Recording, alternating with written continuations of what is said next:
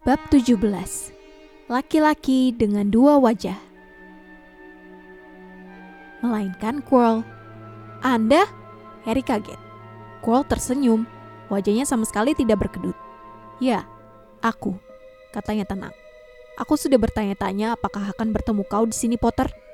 Tetapi Saya kira Snape Severus. Quirrell tertawa. Dan tawanya bukan tawa gemetar seperti biasanya, tetapi dingin dan melengking. Ya, Severus memang kelihatannya tipe yang cocok ya. Dirinya sangat berguna, menyambar-nyambar seperti kelelawar liar. Dibandingkan dia, siapa yang akan mencurigai Profesor Quirrell yang yang gagap dan men menimbulkan belas kasihan? Harry tidak mengerti. Ini tak mungkin benar. Tak mungkin. Tetapi Snape mencoba membunuh saya. Bukan, bukan, bukan. Aku yang mencoba membunuhmu. Temanmu, Miss Granger, tanpa sengaja menabrakku sampai jatuh ketika dia buru-buru mau membakar jubah Snape dalam pertandingan Quidditch itu. Dia memutuskan kontak mataku denganmu. Beberapa detik saja lagi, aku pasti berhasil menjatuhkanmu dari sapu. Aku pastilah sudah berhasil sebelumnya seandainya Snape tidak menggumamkan mantra penangkal, berusaha menyelamatkanmu. Snape berusaha menyelamatkan saya. Tentu saja, kata Quirrell dingin. Menurutmu kenapa dia ingin menjadi wasit dalam pertandingan berikutnya? Dia berusaha memastikan aku tidak melakukannya lagi. Lucu juga. Dia tak perlu khawatir. Aku tak bisa berbuat apa-apa karena Dumbledore nonton.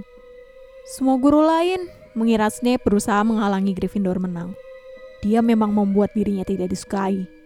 Dan benar-benar membuang waktu.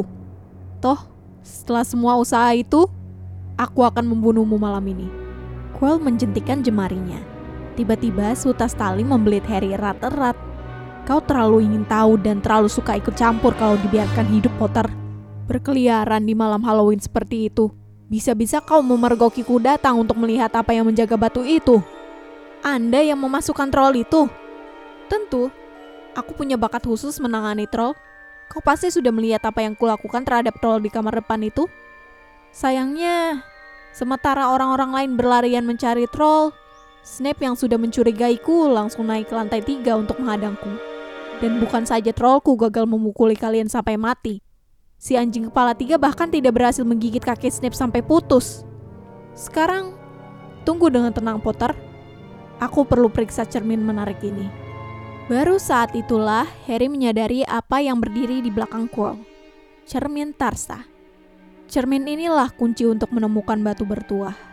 Quirrell bergumam seraya mengelilingi bingkainya. Dumbledore memang cerdik memakai cermin ini, tapi dia di London. Aku sudah jauh dari sini saat dia pulang nanti.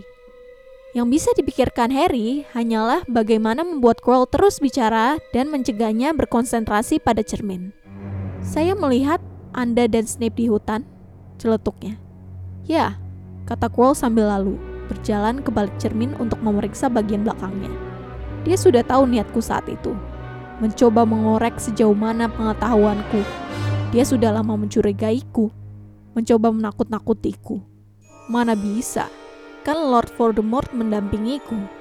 Quirrell muncul dari balik cermin dan menatapnya dengan bergairah. Aku melihat batunya. Kupersembahkan kepada tuanku.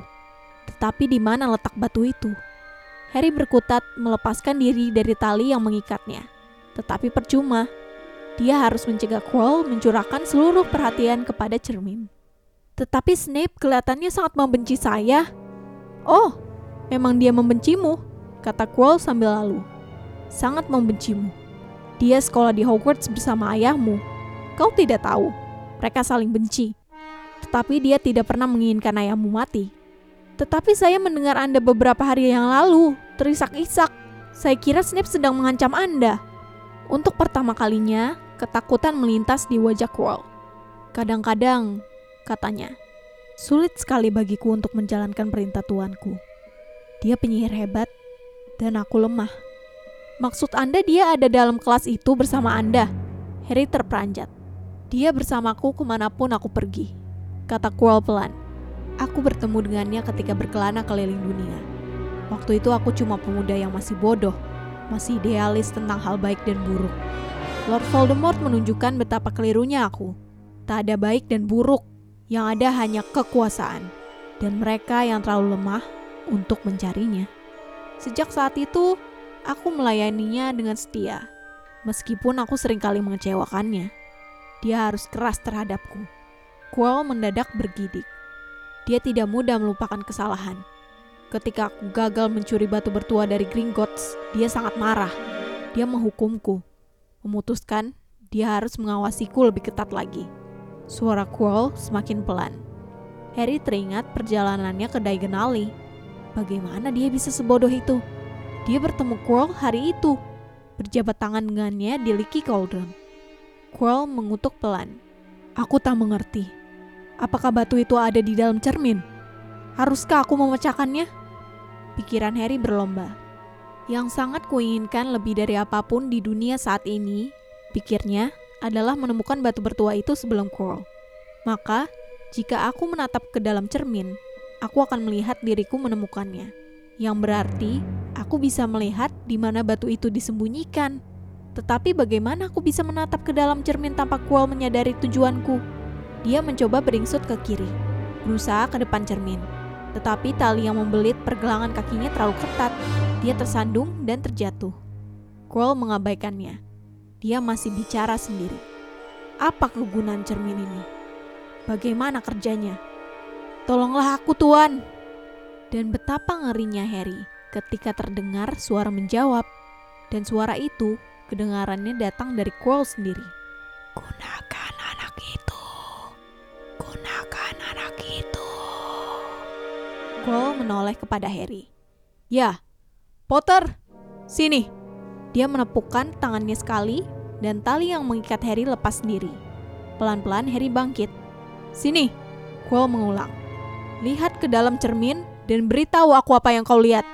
Harry berjalan ke arahnya. Aku harus berbohong. Pikirnya putus asa. Aku harus melihat dan berbohong tentang apa yang kulihat. Begitu saja. Quirrell bergerak ke belakangnya. Harry mencium bau aneh yang agaknya berasal dari serban Quirrell. Dia memejamkan mata, melangkah ke depan cermin, dan membuka mata lagi. Harry melihat bayangannya. Mulanya pucat dan ketakutan, tetapi sesaat kemudian bayangan itu tersenyum kepadanya. Dia memasukkan tangan ke saku dan mengeluarkan batu merah darah. Dia mengedipkan mata dan mengembalikan batu itu ke dalam saku. Dan pada saat dia melakukannya, Harry merasa sesuatu yang berat masuk ke sakunya yang sebenarnya. Dengan cara yang sangat ajaib, dia mendapatkan batu itu. Nah, kata Quirrell tak sabar. Apa yang kau lihat? Harry mengumpulkan keberanian. Saya melihat saya berjabat tangan dengan Dumbledore. Dia mengarang. Saya saya memenangkan piala asrama untuk Gryffindor. Quirrell mengutuk lagi. Minggir, katanya. Ketika bergerak, Harry merasakan batu bertua itu menggesek kakinya. Beranikah dia melarikan diri? Tapi belum lagi dia berjalan lima langkah, terdengar suara melengking berkata, meskipun Quirrell tidak menggerakkan bibirnya. Dia bohong, dia bohong. Potter, kembali ke sini, teriak Quirrell. Katakan yang sebenarnya, apa yang tadi kau lihat? Suara melengking itu bicara lagi. Biarkan aku. Berhadapan. Tuan, Anda belum cukup kuat. Aku cukup punya kekuatan untuk ini. Harry merasa seakan jerat setan memancangnya di tempat. Dia tak dapat menggerakkan satu otot pun. Ketakutan, dilihatnya Quirrell mengangkat tangannya dan mulai mengurai serbannya. Apa yang terjadi? Serban jatuh.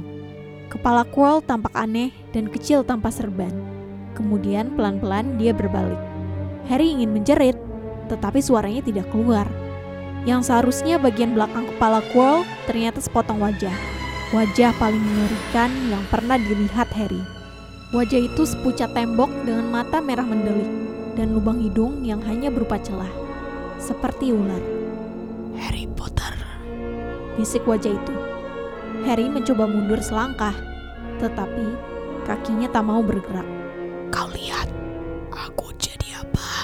Kata wajah itu. Cuma bayangan dan asap. Aku punya bentuk hanya kalau aku bisa berbagi dengan tubuh orang lain. Tetapi selalu ada yang mengizinkan aku masuk hati dan pikiran mereka. Darah unicorn membuatku semakin kuat beberapa minggu terakhir ini. Kau melihat kual yang setia meminumnya untukku di hutan. Dan begitu aku minum cairan kehidupan, aku akan bisa menciptakan tubuhku sendiri.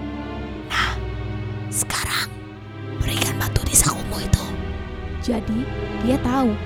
Tiba-tiba kaki Harry tidak lagi mati rasa. Dia terhuyung ke belakang. Jangan bodoh, Gertak si wajah. lebih baik selamatkan nyawamu dan bergabung denganku. Kalau tidak, kau akan berakhir sama dengan orang tuamu. Mereka memohon-mohon belas kasihan dariku sebelum meninggal. Bohong! Mendadak Harry berteriak. Quirrell berjalan mundur ke arahnya, sehingga Voldemort masih bisa menatapnya. Wajah mengerikan itu kini tersenyum. Sungguh mengharukan. Desisnya. Aku selalu menghargai keberanian. Ya, nak, orang tuamu pemberani. Aku membunuh ayahmu lebih dulu, dan dia melawan dengan gagah berani. Tetapi ibumu sebetulnya tak perlu mati. Dia berusaha melindungimu. Sekarang, berikan batu itu kepadaku. Kalau tidak, kau akan mati sia-sia. Tidak! Harry melompat ke arah pintu nyala api. Tetapi Voldemort menjerit. Tangkap dia. Dan detik berikutnya, Harry merasakan tangan Quirrell mencengkram pergelangan tangannya. Langsung saja, rasa sakit yang tajam menyengat bekas luka Harry. Kepalanya serasa hendak terbelah dua. Harry menjerit, meronta-ronta sekuat tenaga, dan kaget sendiri ketika Quirrell membebaskannya. Rasa sakit di dahinya berkurang. Dia memandang berkeliling, mencari Quirrell, dan melihatnya tengah meringkuk kesakitan. Memandang jari-jarinya, jari-jari itu melepuh. Tangkap dia. Tangkap dia. Teriak Voldemort lagi. Dan Quirrell menerjang Harry sampai jatuh dan mendarat di atas tubuhnya. Kedua tangannya melingkari leher Harry. Bekas luka Harry sakit luar biasa. Sampai dia merasa nyaris buta. Tetapi dia masih bisa melihat Quirrell melolong kesakitan. Tuan, aku tak bisa memegangnya. Tanganku, tanganku. Dan Quirrell, meski masih memiting Harry ke tanah dengan lutut, melepas cekikannya dan terbelalak menatap telapak tangannya sendiri. Harry bisa melihatnya.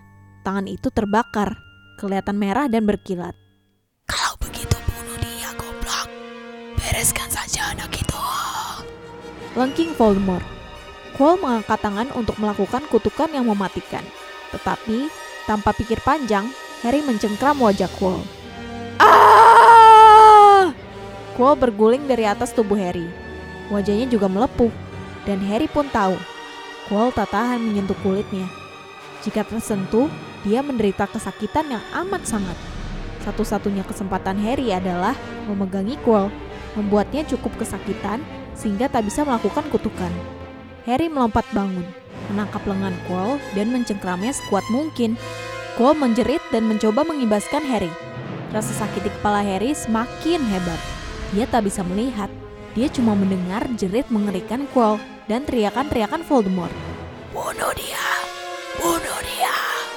dan suara-suara lain, mungkin di dalam kepalanya sendiri, berseru-seru. Harry! Harry! Dirasakannya lengan Quirrell ditarik lepas dari cengkramannya. Dia tahu dirinya telah kalah dan jatuh dalam kegelapan. Jatuh makin lama, makin dalam. Sesuatu yang kemasan berkilau di atasnya. Snitch! Harry berusaha menangkapnya, tetapi lengannya terlalu berat. Dia mengejap. Bukan snitch. Ternyata kacamata. Aneh sekali. Dia mengejap lagi. Wajah Albus Dumbledore yang tersenyum melayang masuk ke pandangannya. Selamat sore, Harry, kata Dumbledore. Harry bingung menatapnya. Kemudian dia ingat. Sir, batunya! Quirrell, dia mengambil batunya! Sir, cepat!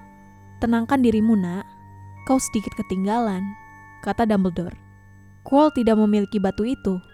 Kalau begitu siapa? Sir, saya... Harry, relax. Kalau tidak, Madame Pomfrey akan mengusirku keluar. Harry menelan ludah dan memandang berkeliling. Dia sadar dirinya berada di rumah sakit. Dia berbaring di tempat tidur berseprai linen putih. Di meja sebelahnya terdapat tumpukan tinggi yang tampaknya seperti setengah isi toko permen. kiriman teman-teman dan pengagummu, kata Dumbledore berseri-seri. Apa yang terjadi di ruang bawah tanah antara dirimu dengan Profesor Quirrell adalah rahasia besar, maka tentu saja seluruh sekolah tahu. Kurasa temanmu Mr. Fred dan George Weasley bertanggung jawab atas usaha mengirimimu tutup kloset. Pasti mereka mengira kau akan geli dan senang menerimanya. Tetapi Madam Pomfrey merasa hadiah itu tidak begitu higienis dan menyitanya. Sudah berapa lama saya di sini? Tiga hari. Mr. Ronald Weasley dan Miss Granger akan lega sekali mengetahui kau sudah sadar mereka sangat cemas. Tetapi sir, batunya. Rupanya kau tak bisa dialihkan. Baiklah kalau begitu. Profesor Quirrell tidak berhasil mengambil batu itu darimu. Aku tiba tepat pada waktunya untuk mencegahnya walaupun harus kuakui, kau sendiri telah bertahan dengan sangat baik. Anda datang. Anda menerima burung hantu Hermione. Pastilah kami berpapasan di udara. Begitu tiba di London, Jelas bagiku bahwa aku harus berada di tempat yang baru saja kutinggalkan. Aku tiba tepat pada waktunya untuk menarik Quirrell darimu. Jadi itu Anda. Aku sudah takut-takut terlambat. Hampir. Saya nyaris tak bisa mempertahankan batu itu lebih lama. Bukan batunya, tetapi kau nak. Usaha untuk mempertahankan batu bertua itu nyaris membunuhmu. Sesaat aku ngeri sekali, mengira kau sudah tiada. Sedangkan batunya sudah dimusnahkan. Dimusnahkan? Tanya Harry tak mengerti. Tetapi teman Anda Nicholas Flamel? Oh, kau tahu tentang Nicholas? Kata Dumbledore kedengarannya senang. Kau menyelidiki semuanya ya? Nah, Nicholas dan aku sudah berunding dan kami setuju itu yang paling baik. Tetapi itu berarti dia dan istrinya akan meninggal kan? Mereka punya cukup banyak simpanan cairan kehidupan untuk membereskan urusan mereka. Kemudian, ya, mereka akan mati. Dumbledore tersenyum melihat keheranan di wajah Harry. Bagi orang semuda kau, pastilah kedengarannya aneh. Tetapi bagi Nicholas dan Baranel, mati sebetulnya hanyalah seperti pergi tidur setelah hari yang amat sangat panjang. Lagi pula, bagi pikiran yang terorganisir dengan baik, kematian hanyalah petualangan besar berikutnya. Kau tahu, batu itu sebetulnya bukan benda yang amat luar biasa meski bisa memberikan uang dan kehidupan sebanyak yang kau inginkan. Itu dua hal yang akan dipilih kebanyakan orang, melebihi segalanya. Sulitnya, orang biasanya justru memilih hal-hal yang paling buruk untuk mereka. Harry terbaring diam, kehabisan kata-kata.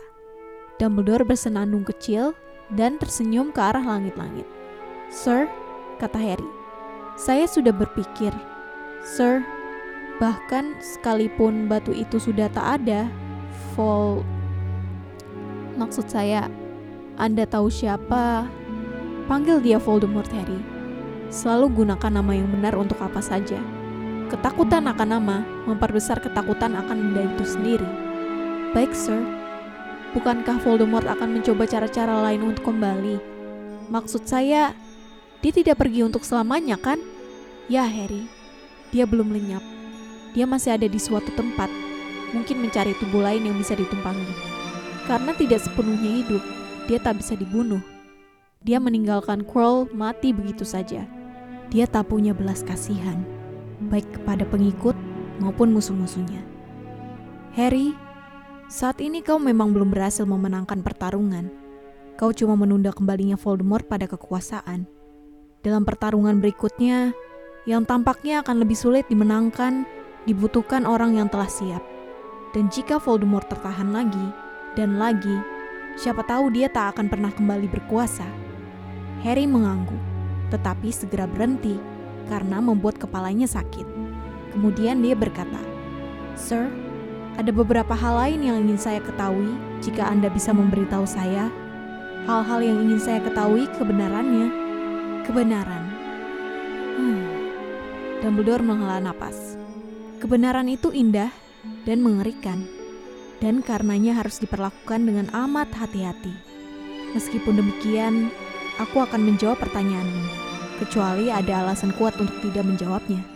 Kalau itu sampai terjadi, kumohon kau memaafkan aku. Aku tidak akan berbohong tentu saja. Kata Voldemort, dia terpaksa membunuh ibu saya karena ibu mencoba mencegahnya membunuh saya. Tetapi kenapa dia ingin membunuh saya? Dumbledore menghela napas dalam-dalam. Sayang sekali, Hal pertama yang kau tanyakan tak bisa kujawab. Tidak hari ini, tidak sekarang. Kau akan tahu suatu hari nanti. Singkirkan dari pikiranmu untuk sementara, Harry. Kalau kau sudah lebih besar, aku tahu kau tidak senang mendengarnya. Kalau kau sudah siap, kau akan tahu. Dan Harry tahu tak ada gunanya membantah. Tetapi kenapa Quirrell tidak bisa menyentuh saya? Ibumu meninggal karena berusaha menyelamatkanmu. Kalau ada satu hal yang tak bisa dimengerti Voldemort, itu adalah cinta. Dia tidak menyadari bahwa cinta sekuat cinta ibumu kepadamu meninggalkan bekas. Bukan seperti bekas luka, bukan tanda yang kelihatan. Dicintai begitu dalam, meskipun orang yang mencintai kita sudah tiada, akan memberi kita perlindungan untuk selamanya. Perlindungan itu ada di kulitmu.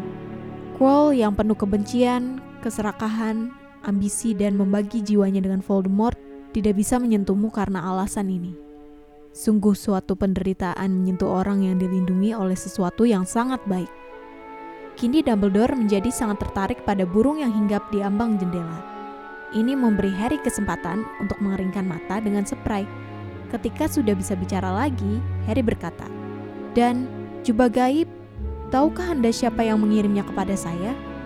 Ah, ayahmu menitipkannya kepadaku dan kupikir kau akan menyukainya. Mata Dumbledore bersinar-sinar. Sangat berguna. Ayahmu terutama menggunakannya untuk menyelinap ke dapur untuk mencuri makanan waktu dia di sini dulu. Dan ada satu hal lagi. Katakan. Quirrell berkata Snape, Profesor Snape, Harry. Ya, dia. Quirrell bilang Profesor Snape membenci saya karena dia membenci ayah saya. Betulkah itu? Ya, mereka memang saling benci. Tidak berbeda dengan kau sendiri dengan Mr. Malfoy. Lalu ayahmu melakukan sesuatu yang tak bisa dimaafkan Snape. Apa? Ayahmu menyelamatkan hidupnya. Apa? Ya, kata Dumbledore melamun. Aneh kan cara kerja pikiran orang? Profesor Snape tidak tahan berutang budi pada ayahmu. Aku yakin dia berusaha keras melindungimu sebagai balas budi pada ayahmu. Dengan begitu, skor mereka jadi seri. Lalu dia bisa kembali membenci almarhum ayahmu dengan tenang. Harry berusaha memahami, tetapi kepalanya jadi berdenyut-denyut, maka dia berhenti. Dan Sir, ada satu hal lagi. Apa itu? Bagaimana saya mendapatkan batu itu dari dalam cermin? Ah, aku senang kau menanyakannya. Itu salah satu ide brilianku. Dan antara kita berdua saja, ide itu hebat sekali. Aku membuatnya sedemikian sehingga hanya orang yang ingin menemukan batu itu menemukan, tetapi tidak menggunakannya, yang bisa mendapatkannya. Bukan mereka yang ingin melihat diri mereka memiliki emas atau minum cairan kehidupan. Otakku kadang-kadang mengejutkan diriku sendiri. Nah, sudah cukup pertanyaan-pertanyaanmu? Kusarankan kau mulai makan permenmu. Ah, kacang segala rasa Bertie Bott's. Aku cukup beruntung waktu masih muda dapat yang rasa muntah, dan sejak saat itu aku jadi kehilangan selera. Tapi, kurasa aman kalau aku ambil rasa karamel ya. Dumbledore tersenyum dan memasukkan kacang berwarna coklat kemasan itu ke mulut. Kemudian dia tersedak dan berkata, Ya ampun, rasa kotoran telinga. Madame Pomfrey, matron rumah sakit, wanita yang menyenangkan, tetapi sangat keras. Lima menit saja, Harry memohon. Jelas tidak boleh. Anda mengizinkan Profesor Dumbledore masuk? Ya tentu saja, dia kan kepala sekolah. Lain dong, kau butuh istirahat. Saya istirahat? Lihat, saya berbaring terus. Oh, ayolah Madam Pomfrey. Oh, baiklah, katanya. Tapi hanya lima menit. Dan Madam Pomfrey mengizinkan Ron dan Hermione masuk. Harry! Hermione tampaknya siap memeluknya lagi. Tetapi Harry senang Hermione menahan diri karena kepalanya masih sakit sekali. Oh Harry, kami sudah yakin kau akan... Dumbledore sangat cemas. Seluruh sekolah membicarakannya, kata Ron. Apa sebetulnya yang terjadi? Sungguh salah satu kejadian langka ketika kenyataan yang sebenarnya justru lebih aneh dan mencekam dibandingkan desas-desus liar. Harry menceritakan semuanya kepada mereka. Tentang Quirrell, cermin Tarsa, batu bertuah, dan Voldemort. Ron dan Hermione pendengar yang sangat baik. Mereka kaget pada saat-saat yang tepat. Dan ketika Harry memberitahu mereka apa yang ada di balik serban Quirrell, Hermione menjerit keras. Jadi batu itu sudah tak ada, kata Ron akhirnya. Flamel akan mati. Itulah yang kukatakan. Tetapi menurut Dumbledore, apa ya? Bagi pikiran yang terorganisir dengan baik, kematian hanyalah petualangan besar berikutnya. Dari dulu ku bilang, Dumbledore itu sinting, kata Ron. Kelihatannya terkesan sekali pada betapa gilanya orang yang dikaguminya itu. Jadi, apa yang terjadi pada kalian berdua? Tanya Harry. Ya, aku kembali dengan selamat, kata Hermione. Kusadarkan Ron, perlu sedikit waktu. Dan kami sedang berlari ke kandang burung hantu untuk mengontak Dumbledore ketika kami bertemu dengannya di aula depan. Dia sudah tahu. Dia cuma berkata, Harry mengejarnya kan? Lalu bergegas ke lantai tiga. Apakah menurutmu Dumbledore sengaja mengatur agar kau bertindak begitu? Kata Ron. Mengirim jubah ayahmu dan yang lainnya itu.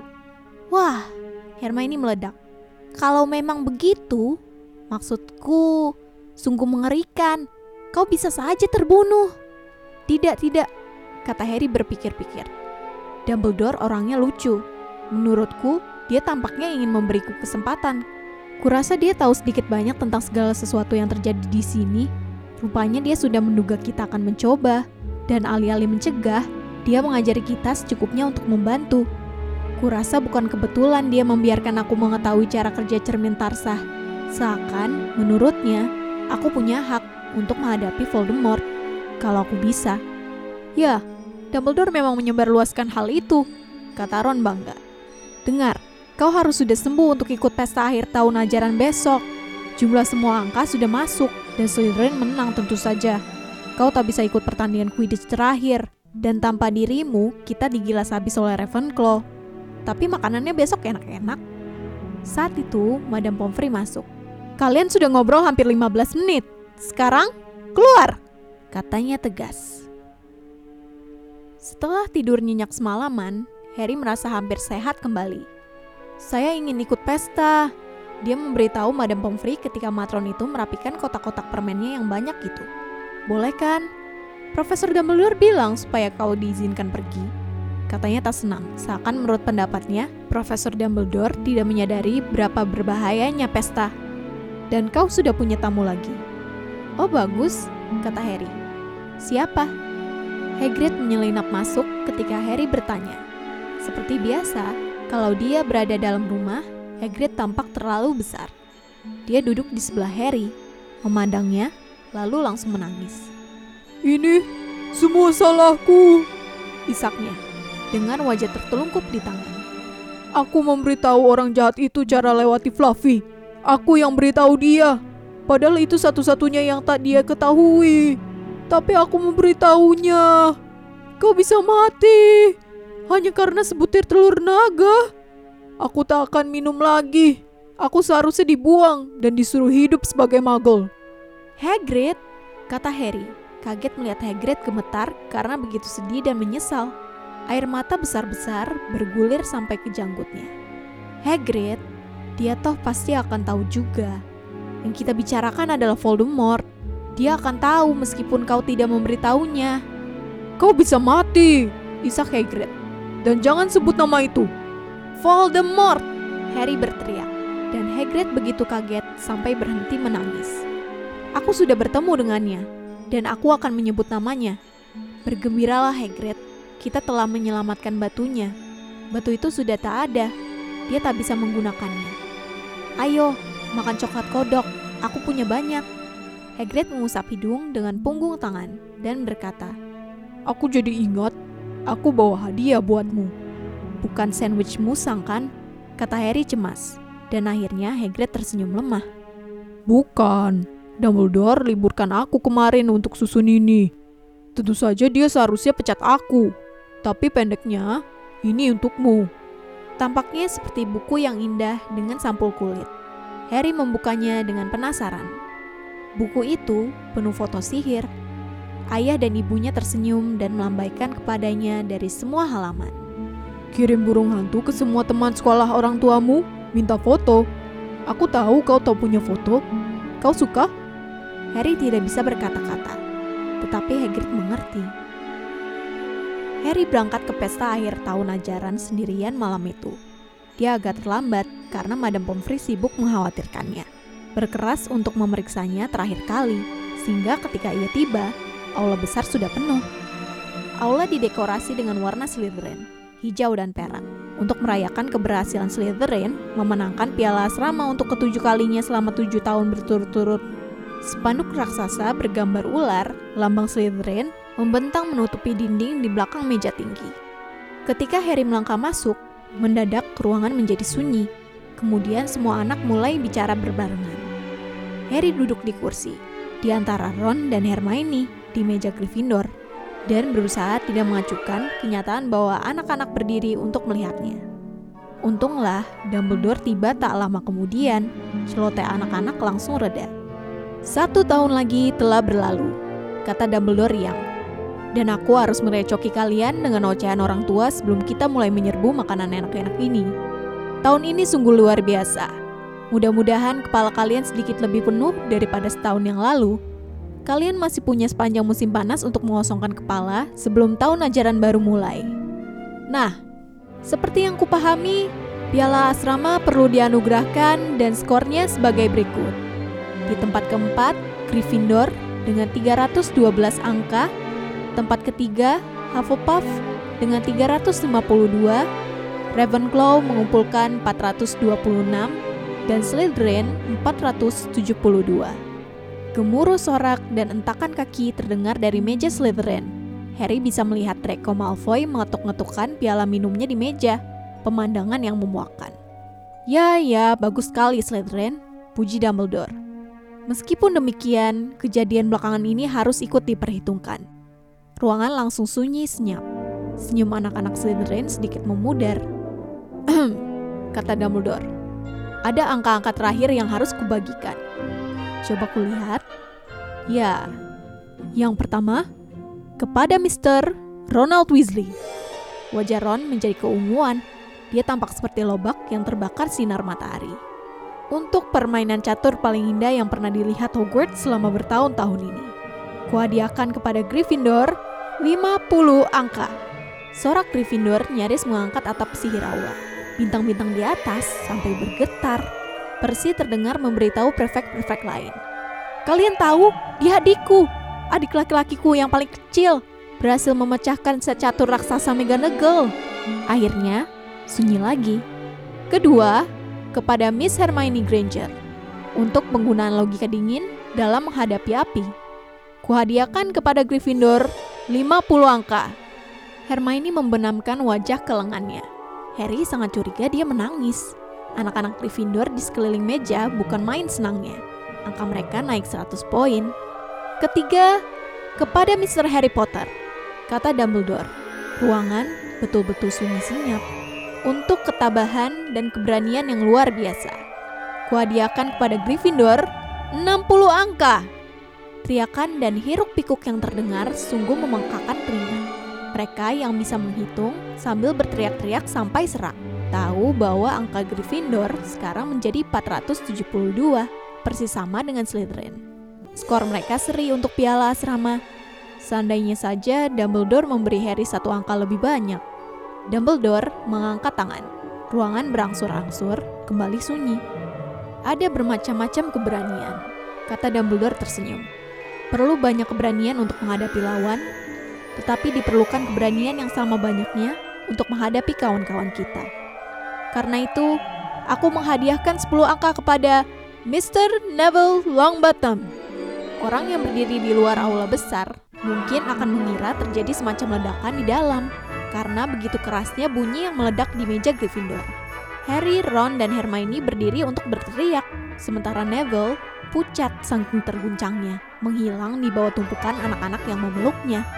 Dia tak pernah memenangkan bahkan satu angka pun untuk Gryffindor sebelum ini. Harry masih bersorak-sorak, menyikut rusuk Ron dan menunjuk ke arah Malfoy, yang seandainya mendapat kutukan ikat tubuh sempurna pun tak mungkin kelihatan lebih kaget dan ngeri daripada sekarang. Itu berarti, seru Dumbledore mengatasi gemuruh sorakan karena baik Ravenclaw maupun Hufflepuff ikut merayakan kejatuhan Slytherin. Kita perlu sedikit perubahan dekorasi. Dumbledore menepukkan tangan. Dalam sekejap, hiasan-hiasan gantung hijau berubah menjadi merah dan peraknya menjadi emas. Ular raksasa Slytherin lenyap, diganti singa Gryffindor yang gagah. Snape menjabat tangan Profesor McGonagall dengan senyum pahit yang dipaksakan. Matanya bertatapan dengan mata Harry, dan Harry langsung tahu bahwa perasaan Snape kepadanya tidak berubah sedikit pun. Ini tidak membuat Harry cemas. Tampaknya, hidup baginya akan kembali normal di tahun ajaran mendatang, atau senormal yang mungkin terjadi di Hogwarts. Malam itu, malam paling indah dalam hidup Harry. Lebih menyenangkan daripada memenangkan Quidditch, atau merayakan Natal, atau memukul pingsan troll gunung. Dia tak akan pernah melupakan malam ini. Harry nyaris lupa bahwa hasil ujian belum diumumkan. Tetapi akhirnya hasil itu keluar juga. Betapa herannya dia dan Ron, karena mereka berdua lulus dengan nilai-nilai bagus. Hermione tentu saja menjadi juara sekolah untuk kelas 1. Bahkan Neville lulus juga. Nilai herbologinya yang tinggi mengimbangi nilai ramuannya yang jeblok. Mereka berharap bahwa Goyle yang kebodohannya nyaris sama besar dengan kekejamannya akan dikeluarkan. Tetapi Goyle lulus juga. Sayang, tetapi seperti kata Ron, dalam hidup ini kita tidak bisa mendapatkan segalanya. Dan mendadak saja lemari pakaian mereka kosong. Koper-koper mereka sudah dikemas. Katak Neville ditemukan bersembunyi di sudut toilet. Pesan dibagikan kepada semua murid, memperingatkan mereka agar tidak menggunakan sihir selama liburan. Aku selalu berharap mereka lupa memberikan peringatan ini kepada kita, kata Fred Weasley sedih. Hagrid siap membawa mereka turun ke armada perahu yang akan berlayar menyeberangi danau. Mereka naik ke Hogwarts Express, mengobrol dan tertawa-tawa sementara daerah pedesaan yang mereka lalui menjadi kian hijau dan rapi, makan kacang segala rasa Bertie Bott selagi kereta meluncur melewati kota-kota Muggle, melepas jubah penyihir mereka, dan ganti memakai jaket biasa, sampai akhirnya kereta berhenti di peron 9 3 di stasiun King's Cross. Perlu beberapa waktu bagi mereka semua untuk turun di peron. Penjaga tua yang sudah keriput berjaga di palang rintangan box penjualan tiket, mengatur mereka keluar berdua dan bertiga agar tidak menarik perhatian. Sebab kalau mereka semua serentak bermunculan dari tembok kokoh, tentu para magel akan kaget dan ketakutan. Kalian harus datang menginap musim panas ini, kata Ron. Kalian berdua akan kukirimkan burung hantu. Terima kasih, kata Harry. Aku perlu sesuatu yang menyenangkan untukku nanti-nantikan kedatangannya. Orang-orang menyinggol mereka ketika mereka bergerak maju, menuju gerbang yang membawa mereka kembali ke dunia magel. Beberapa di antaranya berseru, Dah Harry, sampai ketemu Potter. Tetap populer ya, kata Ron tersenyum. Tidak kalau di tempat yang kutuju, percaya deh, kata Harry. Harry, Ron, dan Hermione melewati gerbang bersama-sama. Itu dia, Mam, itu dia, lihat! Yang berteriak Ginny Weasley, adik perempuan Ron. Tetapi dia tidak menunjuk Ron. Harry Potter, lengkingnya. Lihat, Mam, aku bisa melihat. Diamlah Ginny, dan tidak sopan menunjuk-nunjuk. Mrs. Weasley tersenyum kepada mereka. Tahun yang sibuk, sapanya. Sangat, kata Harry. Terima kasih untuk bonbon dan sweaternya, Mrs. Weasley. Oh, sama-sama, nak. Sudah siap? Itu Paman Vernon. Wajahnya masih ungu, masih berkumis, masih kelihatan marah pada Harry yang nekat menenteng burung hantu dalam sangkar di stasiun yang penuh orang biasa. Di belakangnya berdiri Bibi Petunia dan Dudley yang kelihatan ngeri melihat Harry. Kalian pastilah keluarga Harry, sapa Mrs. Weasley. Boleh dikatakan begitu, kata Paman Vernon. Ayo cepat, kita tak bisa seharian di sini. Paman Vernon langsung ngeloyar pergi. Harry masih tinggal untuk mengucapkan salam perpisahan pada Ron dan Hermione Sampai ketemu setelah musim panas ya. Mudah-mudahan liburanmu um, menyenangkan, kata Hermione, menoleh memandang Paman Vernon dengan bimbang.